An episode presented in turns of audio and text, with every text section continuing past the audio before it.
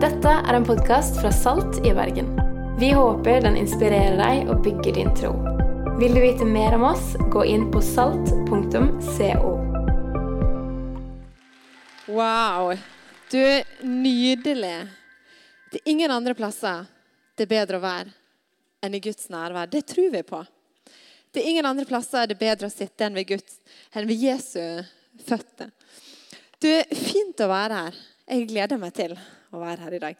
Vanligvis er jeg på Voss, men jeg føler meg hjemme når jeg kommer til Bergen. Jeg bodde i Bergen i åtte år, så jeg tenker at jeg kommer hjem. Jeg vet at jeg ikke er bergenser, så jeg skal ikke krangle på det. Men, eh, men jeg tenker at jeg kommer litt hjem. Synes, selv om det regner her.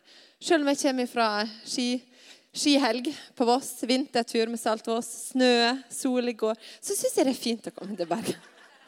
Jeg synes det er fint. Og så har jeg gleda meg til å begynne serien 40 dager. Der vi skal løfte blikket litt. og så skal vi, Jeg likte den. Det er advent. Det er påskeadvent. Vi skal se fram mot påske. Og så er det akkurat det vi skal Vi skal sitte ved Jesu føtter. Vi skal være tett på Jesus. Og så skal vi la han få lov til å oppmuntre oss. Og til og med kanskje òg utfordre oss litt når vi følger han på veien til Jerusalem. Jeg håper dere er klar for det.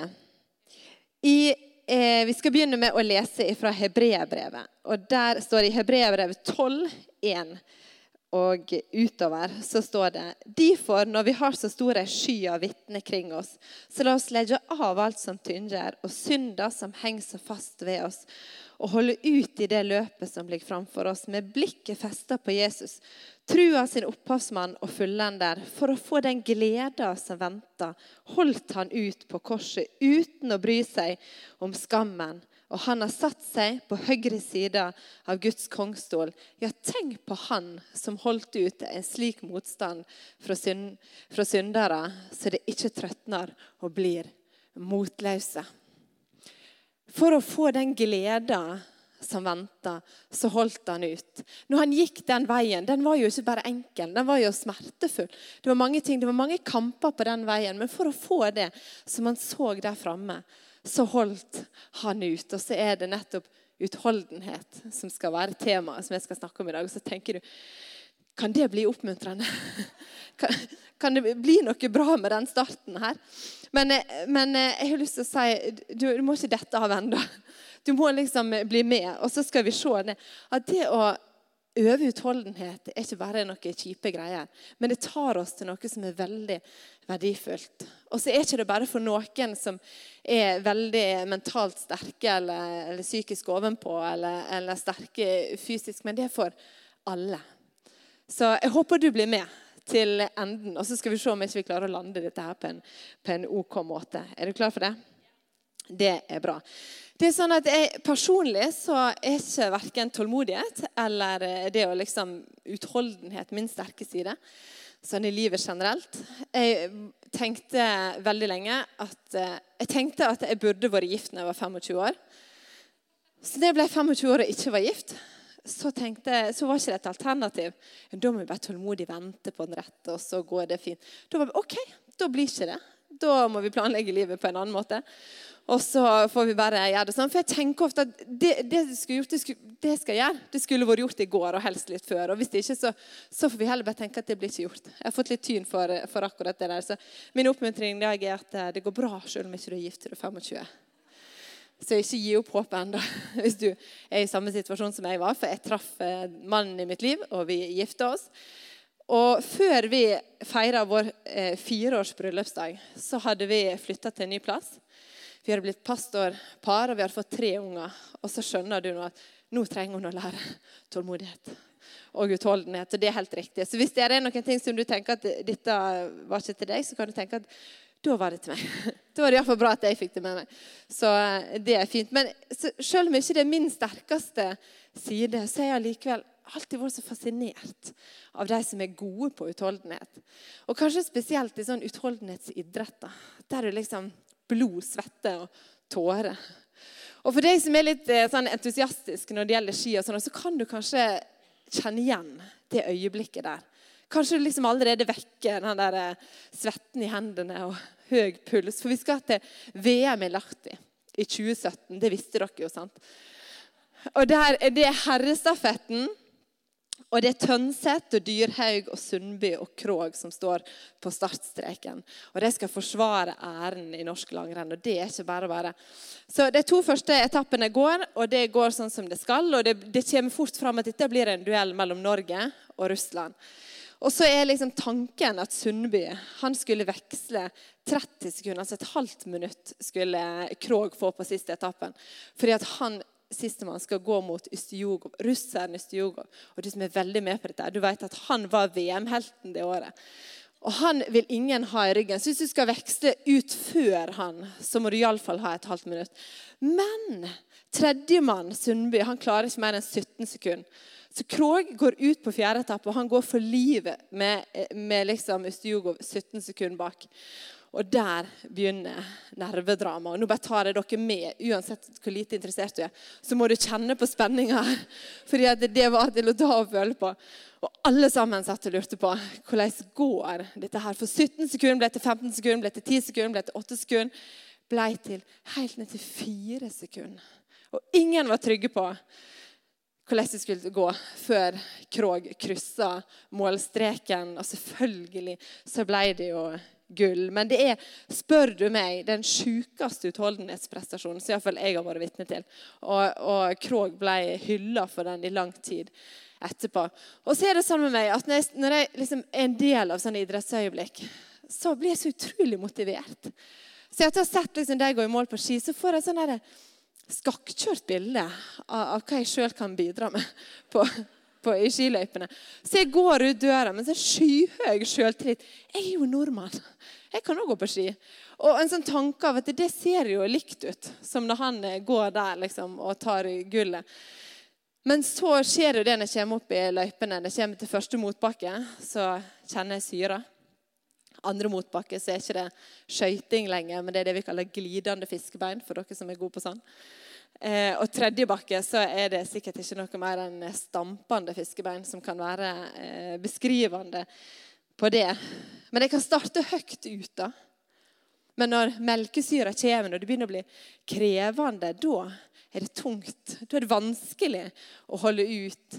For det kan være ganske krevende å øve utholdenhet. Trene utholdenhet. Ikke bare i skiløypene, men òg i livet. Vi kan kjenne på melkesyre i hverdagen av og til. Eller i livet generelt. La meg være litt personlig med deg. Når, når jeg er på ungdomsskolen, så var jeg ganske, så var jeg helt sikker på at jeg skal gi livet mitt til det som har med menighet å gjøre. Og jeg var veldig idealistisk. Sant? sånn som ungdom liksom bare, Tenk å få lov å være med på det. da, Og gi livet sitt til å gi Jesus videre. Jeg visste at det var det jeg skulle holde på med. Så etter videregående så flytta jeg hjem og skulle være ungdomsleder i menigheten der. Og var det i tre år. Det var tre fantastiske år. Men det var òg litt krevende. Jeg husker spesielt én kveld. da, vi hadde en sånn ungdomsfestival. og Vi skulle ha et kveldsmøte. Jeg skulle lede det møtet. Og det var en sånn, det var en sånn kveld der alt gikk galt. Det var ingenting som ble sånn som jeg hadde tenkt. Ikke var det så mange folk som jeg hadde tenkt. Ikke dukka det opp det som jeg hadde håpa skulle være der. Ikke var det det trøkk i lovsangen som jeg hadde tenkt på. Ikke klarte jeg å formidle det som jeg hadde lyst til å si. Jeg husker etter det møtet jeg hadde nettopp tatt lappen, så tok jeg bilen og så kjørte jeg ut på sandstranda hjemme på Stad. Og Der ser du ut på det åpne havet. Jeg satt midt på sanden og så ut mot bølgene. Så trilla tårene. Og så sa jeg til Gud, vet du hva? Du har lovt at du skal utruste de du kaller. Og hvis dette er det beste jeg har fått, så, så gir jeg opp. Så finner jeg på noe annet. Hvis ikke det er bedre enn dette, så orker ikke jeg mer. Hvis ikke du har noe mer å gi, eller hvis ikke jeg får det til bedre Jeg vet ikke om du kan kjenne igjen den følelsen av å ha lyst til å gi opp det som du kanskje har opplevd at Gud har kalt deg til, fordi en kjenner at det kan være litt krevende. Det kan koste litt. Eller om du hadde en gang noen ting som du bare var full av tru for, som du var sikker på, som du hadde tru for å gjøre, så kjenner du at det begynner å tvile. Det begynner å bli vanskelig. En har lyst til å gi det opp.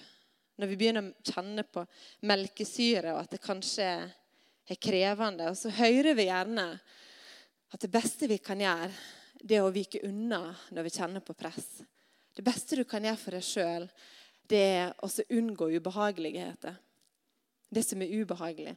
Men akkurat der er det dagens tekst skal få lov til å oppmuntre oss og kanskje utfordre oss litt i dag. Så bli med meg til Jakob. Vi skal lese fra Jakob kapittel 1. Og vi leser fra vers 2. Hold det bare for ei glede, søsken, når det møter alle slags prøvinger. For det veit at når trua blir prøvd, lærer det tålmod. Men tålmod må vise seg i fullkommen gjerning, så det kan være fullkomne og hele, uten mangel. Men om noen av dere mangler visdom, skal han be til Gud, som villig og uten å klandre gir til alle, og han skal få. Men han må be i tru, uten å tvile. For den som tviler, likner ei bølge på havet, som blir drevet omkring og kasta hit og dit av vinden. Ikke må et slikt menneske vente å få noe av Herren, tvihuga som det er, og ustøtt i all si ferd. Jesus, vi takker deg for at du er her. Takk for at du er til stede. Og så er det vår bønn at du må tale til hjertene våre. Jeg ber Jesus om at du skal gjøre de ordene her levende. Må det bli liv i våre liv. Må du hjelpe oss til å forstå. Må du lade ordene med kraft fra himmelen, Jesus. Sånn at det blir til kraft i våre liv. Det er vår bønn. Amen. Du, La oss lese starten på Jakobs tekst en gang til. Hold det bare for ei glede, søsken, når dere møter alle slags prøvinger. For dere vet at når trua blir prøvd, så lærer dere tålmodighet. Hold det bare for ei glede. Det er jo litt sånn første, første inntrykk så kan det jo virke nesten litt sånn barbarisk. Skal vi lide, og så skal vi i tillegg glede oss over at vi hadde vondt? Men det er ikke det han sier. Han sier at vi skal glede oss fordi det som kan være krevende, tar oss til noe som er enda mer verdifullt. Fordi på den andre sida så fins det noe som er dyrebart for oss. Og så er ikke poenget han sier i alle slags prøvelser, så er ordet som er brukt der, refererer ikke til mengden. Det betyr ikke at vi skal lide så fryktelig masse, men det refererer mer til det, det betyr mange farger. At det kommer i mange forskjellige varianter. Poenget er ikke at vi skal være så veldig lidende når vi er etterfølgere av Jesus. Men han sier det er mange muligheter for å øve tålmodighet. Det er mange muligheter for å få tak i det gullet som ligger på den andre sida. Vi skal lese en tekst fra Peter. Han tar liksom hakket lenger. Han sier derfor kan dere juble av glede, selv om dere nå er en liten stund om så må være, har det tungt i mange slags prøvelser. Slik blir trua deres prøvd. For når til og med forgjengelig gull må prøves til eld, da må òg trua prøves, den som er så mye mer verdt, så hun kan bli til pris og herligdom og ære for dere når Jesus Kristus åpenbarer seg. Det fins noe som er mer verdt enn gull. Vi kan glede oss over noen ting som skjer, fordi vi vet at det tar oss til noe som er enda mer verdifullt. Det å eie ei prøvd tru, det å eie tålmodighet og utholdenhet i livet, det er noe ekstremt verdifullt. Det er gjort en del nye studier etter hvert på, på barn som vokser opp nå, som viser at barn har utrolig masse dårligere tålmodighet, dårligere konsentrasjon, dårligere utholdenhet. Veldig dårlig. Men, men og vi er ikke så gode på å takle de vanskelige følelsene. Og så snakker han om at vi er nødt til å ta det opp igjen i utdannelsen og i oppdragelsen vår. Vi må lære barna våre utholdenhet fordi det er så verdifullt seinere i livet. Når jeg sitter og pusler med min toåring, så har jeg jo fryktelig lyst til å hjelpe ham med disse brikkene. Men så vet jeg at hvis jeg alltid hjelper Men han trenger å lære det. Han trenger å lære seg å sitte der. Jeg skjønner det fordi jeg har et voksent perspektiv på livet. Jeg vet, du gutt min, du må lære det, for det blir bra når du blir gammel. Men det fins noe som, som, vi kan lære, som er verdifullt. Og det er jo akkurat det der idrettsutøvere er så gode på. De vet at, at jeg må tåle det som er nå, for at jeg skal kunne nå det som ligger der framme.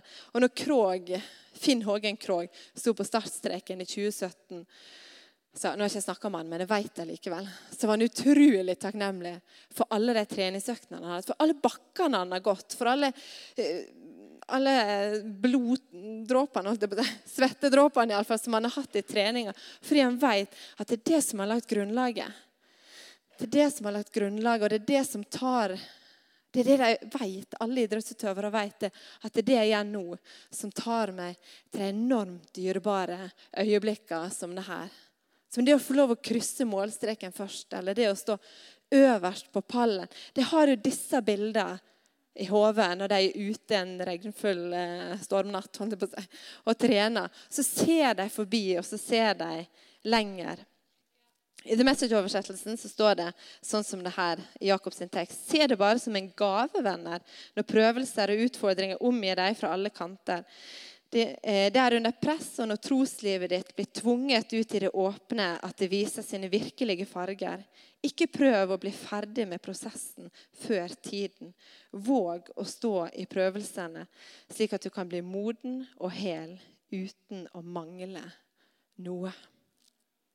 Vi er vant til å feire høgdene i livet når ting klaffer, når ting går bra, når ting er på stell. Men kanskje burde vi òg bli flinkere til å verdsette de øyeblikkene der vi trener utholdenhet, eller der vi lærer tålmodighet, der karakteren får lov å bygges, der trusmuskelen våre blir sterkere. Jeg har så lyst til å oppmuntre deg i dag med at det som skjer i de øyeblikkene, de dagene det kan være litt krevende, det er viktigere enn du tror.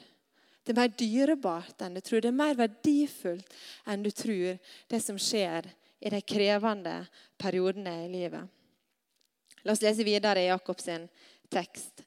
Men om noen av dere mangler visdom, skal han be til Gud, som villig og uten å klandre gir til alle, og han skal få.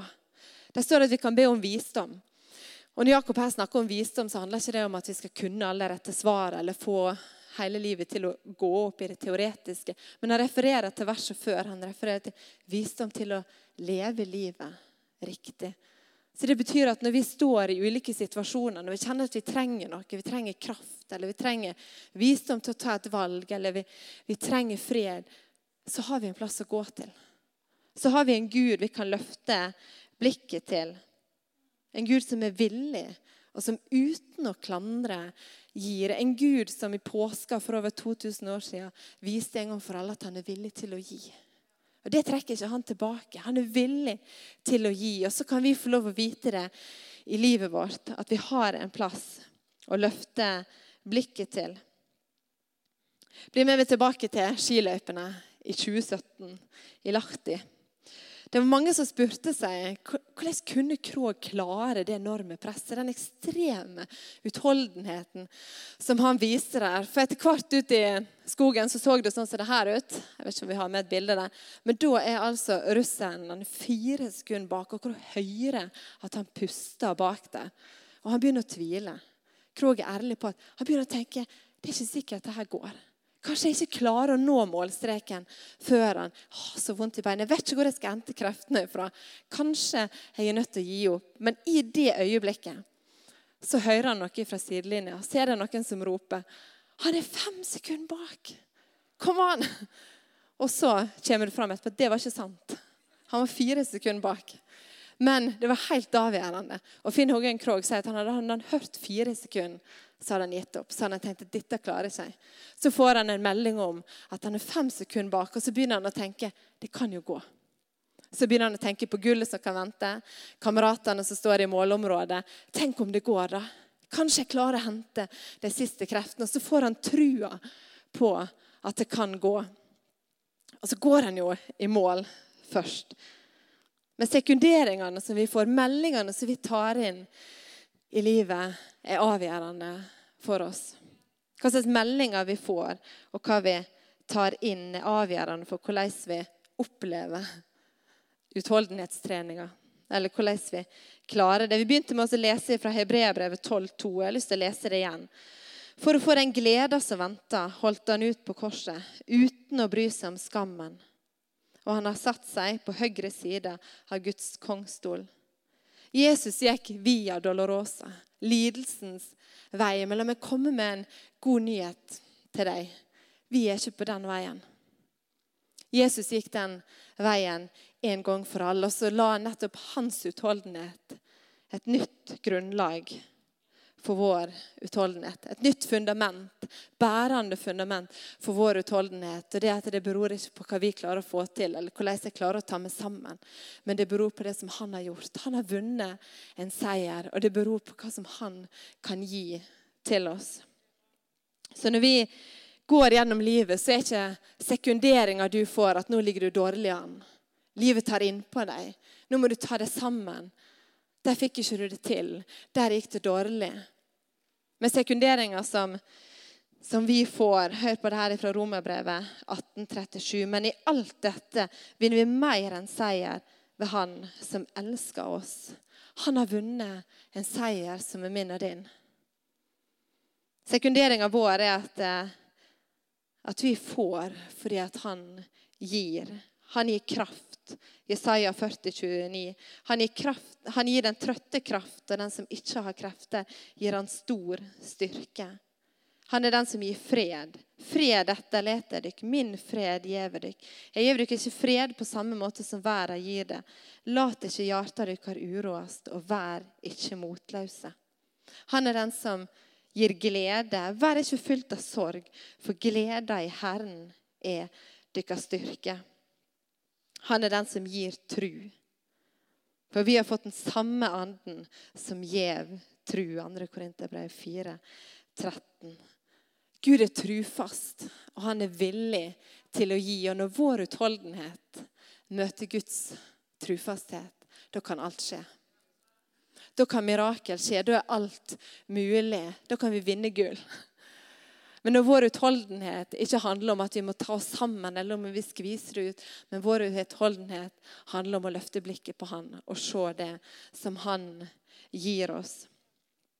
Vi skal lese slutten på Jakob sin tekst. Og Der skriver han Men han må be i tru, uten å tvile. For den som tviler, likner en bølge på havet som blir dreven omkring og kasta hit og dit av vinden. Ikke må et slikt menneske vente å få noe av Herren, tvihuga som det er, og utstøtt i all sin ferd. Det var ikke så positivt. Det var litt sånn, Nå håper jeg du føler litt nedtrykt. Men og, altså, Bølger som blir tatt av vinden. Jeg er jo vokst opp ut med Stad og har ofte sett ut i havet. Det er et kaos uten like. Det har ikke du lyst til å være en del av. Det er et virvar, så du liksom heller deg unna. Men det positive motstykket til det som Jakob skriver her, det er at den som har tru, den står stødig gjennom livet. Den som har tru, den får òg gevinsten av å stå gjennom òg når det stormer. Og når det er dårlig vær, så kan vi få lov å stå stødig. Det kritiske punktet i, for Finn Hågen Krogh Vi må litt tilbake til skiløypa igjen. Det kritiske punktet er jo når han begynner å tvile på at det kan gå. Og Da vet kameratene som står i målområdet, at hvis han mister trua på at dette kan skje, så ryker gullet på noen få sekunder. Så de tre lagkameratene står i målområdet og er spent, og det er de som sier dere må gi han tru til de som skal sekundere. Dere er nødt til å gi en tro på at det går. Sleng på et par sekunder. Det går fint. Men dere må sørge for at han har trua på at det går. Fordi at de òg vet at tru og utholdenhet det henger sammen. Må sørge for at han har trua på det som at han har trua på det han skal gjøre. For det er avgjørende hva vi tror på, og hva slags sekundering vi tar imot. Du, ta og Bli med meg til Matteus 15. Så skal vi ta med en tekst der òg. Jesus har nettopp hatt en samtale med fariseerne. Og de er, ikke så veldig, eh, ikke så veldig fornøyd med Jesus, så de er ute etter å ta han.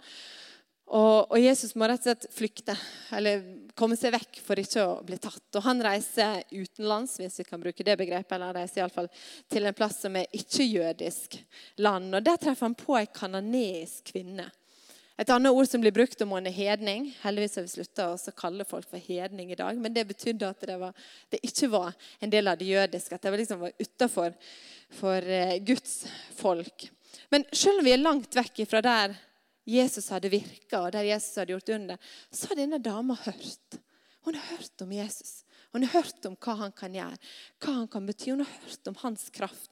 Og så har det begynt å vokse ei tro i henne på at kanskje han er svaret på det som jeg trenger. For hun har ei datter som er plaga av ei vond ånd.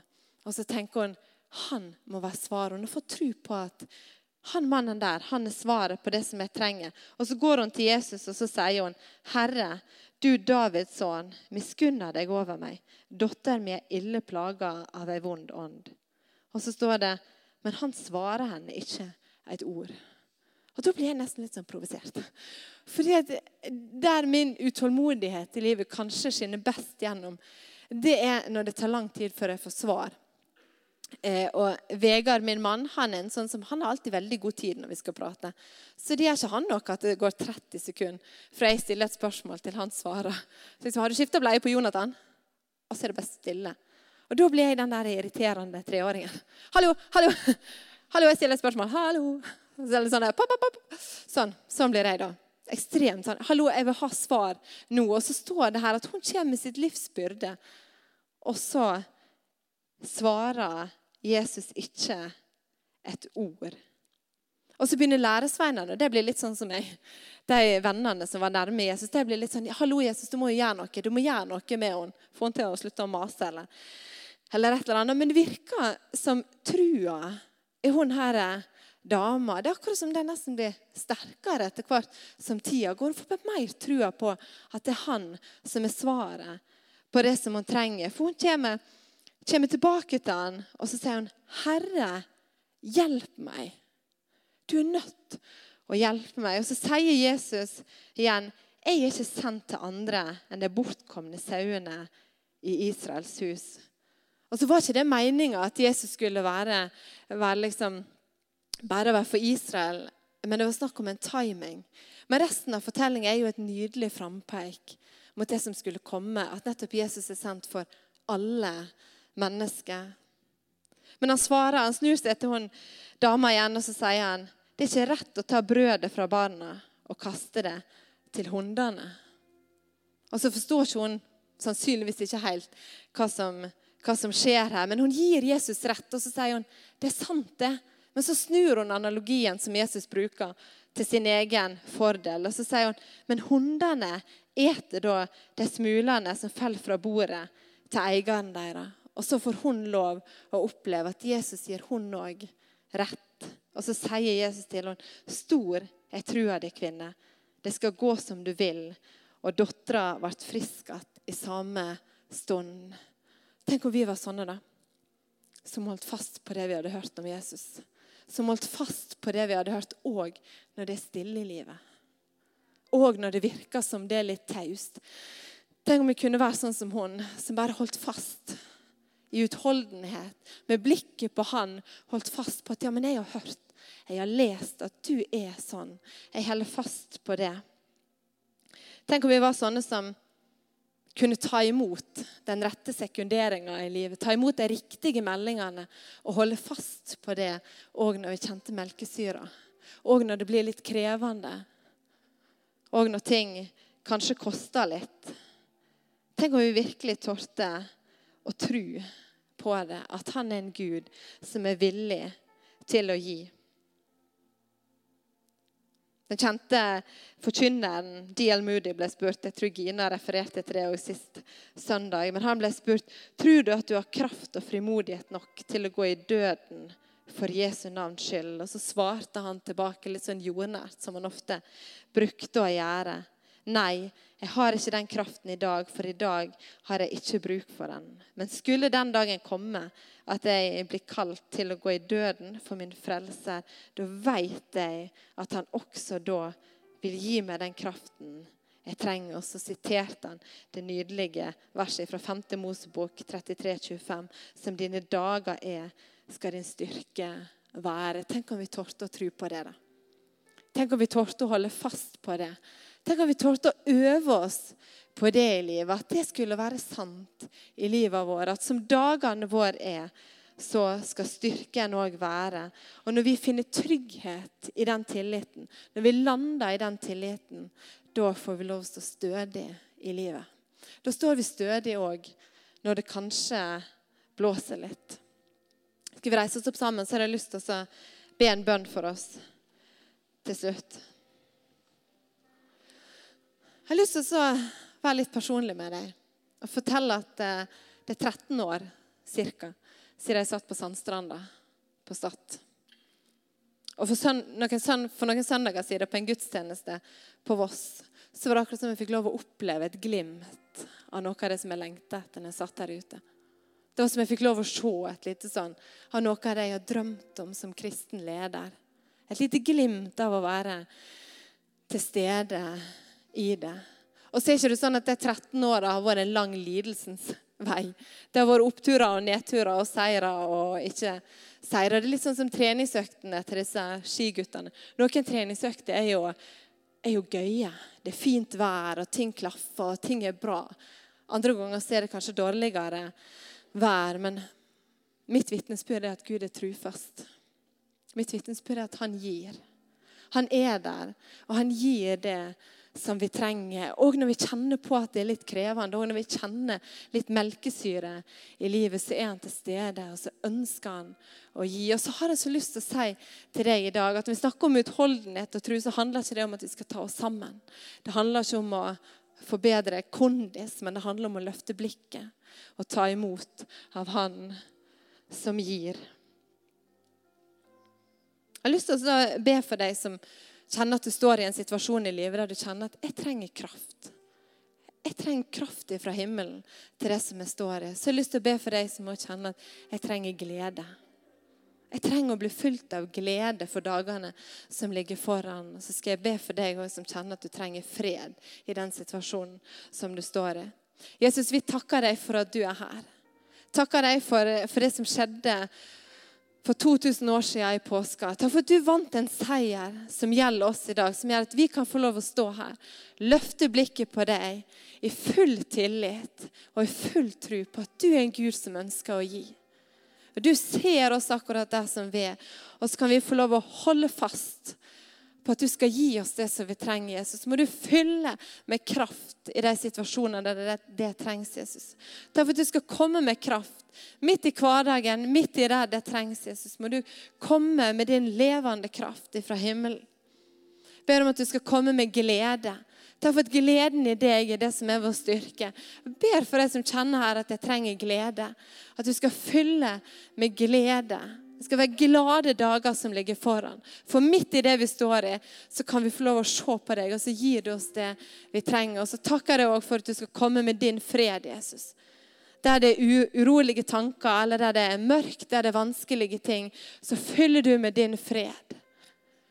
Takker deg, Jesus, fordi at du allerede har vunnet seieren. og Derfor så er den freden vår.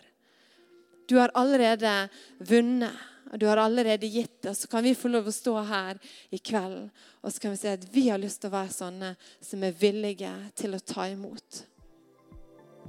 Takk for det, Jesus. Amen. Takk for at du har valgt å høre på denne podkasten fra Salt. Du er varmt velkommen til våre gudstjenester på søndag.